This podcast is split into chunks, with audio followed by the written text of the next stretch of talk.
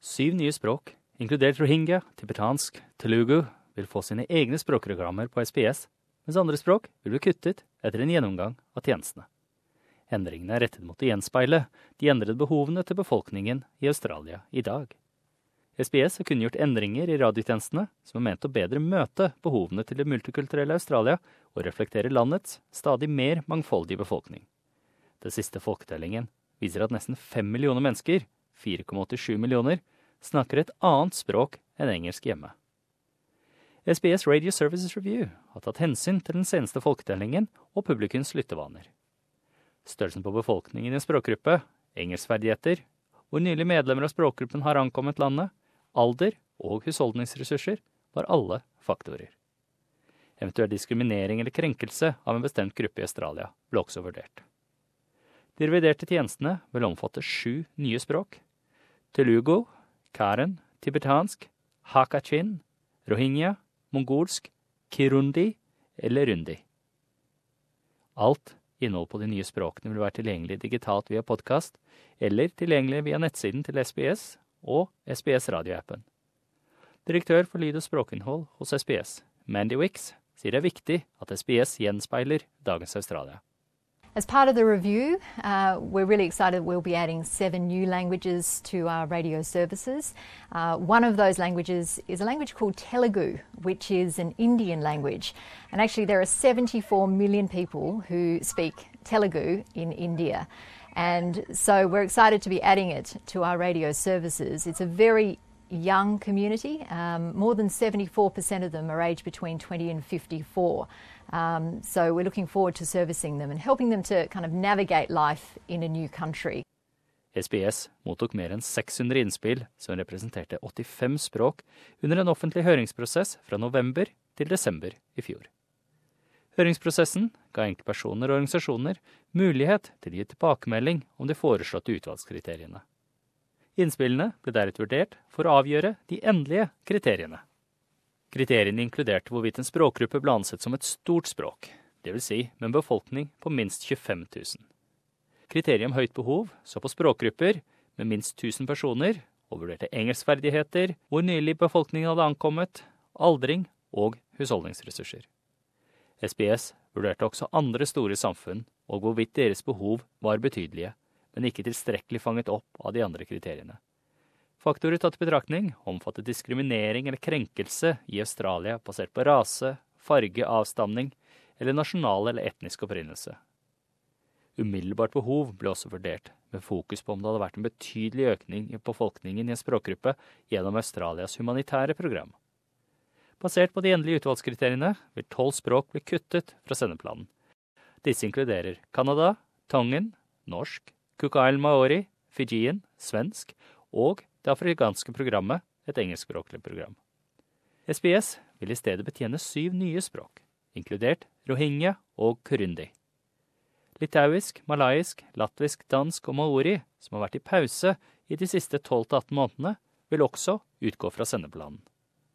Den engelskspråklige tjenesten, SBS World News Radio, vil nå fokusere helt på digital levering og podkaster. Mandy Wicks sier det er en konstant utfordring og sikre at SBS gir det mest relevante og vidtrekkende innholdet. So, one of the challenges, I guess, about Australia changing so rapidly over the last five years is that some communities are no longer as large as they were in relation to other communities. They've almost been leapfrogged, I guess, in terms of size. When we looked at the criteria uh, for this review, there were some languages, unfortunately, that didn't meet that criteria um, in 2017. So, unfortunately, some of those languages will be discontinued by the end of the year. Jacob Hutto, styreleder for sammenslutningen av etniske samfunnsråd i Australia, FECA, sier at det er viktig at SBS tilpasser seg for å bedre betjene befolkningen. Look, I think that it is fundamental, you know, for the SBS to ensure that uh, it continues to uh, to remain relevant uh, to multicultural Australia as uh, as it uh, changes uh, in terms of new arrival, in terms of the, the you know the current. you know, diverse communities that um, that live and have been living in Australia for a long time. So I think that the, the regular reviews are an important element in the SBS uh, working so that uh, it continue to uh, to ensure that uh, it meets the needs of of our diverse and changing multicultural society as it, as it, cha it continually changes. Det har også blitt gjort endringer i sendetidene, tildelt visse språkprogrammer. De tyrkiske og kroatiske språkprogrammene vil reduseres fra fem til fire programtimer per uke, mens tysk vil reduseres fra syv til fem programtimer i uken. Ungarsk, bosnisk og albansk vil også redusere til ett program per uke. Det har også vært endringer i kringkastingstidspunktet for noen språkprogrammer. Dette vil påvirke dari, dinka, khmer, maltesisk, nepalsk, pashto og tigrinya. Mandy Wix sier at SBS har forpliktet seg til regelmessig å gjennomgå og oppdatere sine tjenester hvert femte år i forbindelse med nye folketalldata. The reason we exist is really about talking to communities and migrants about life in Australia, about the community in which they now live. And so this is constantly changing, and there are new communities arriving all the time who really need our services to understand our systems, understand Australian values, and to navigate um, life in a new country.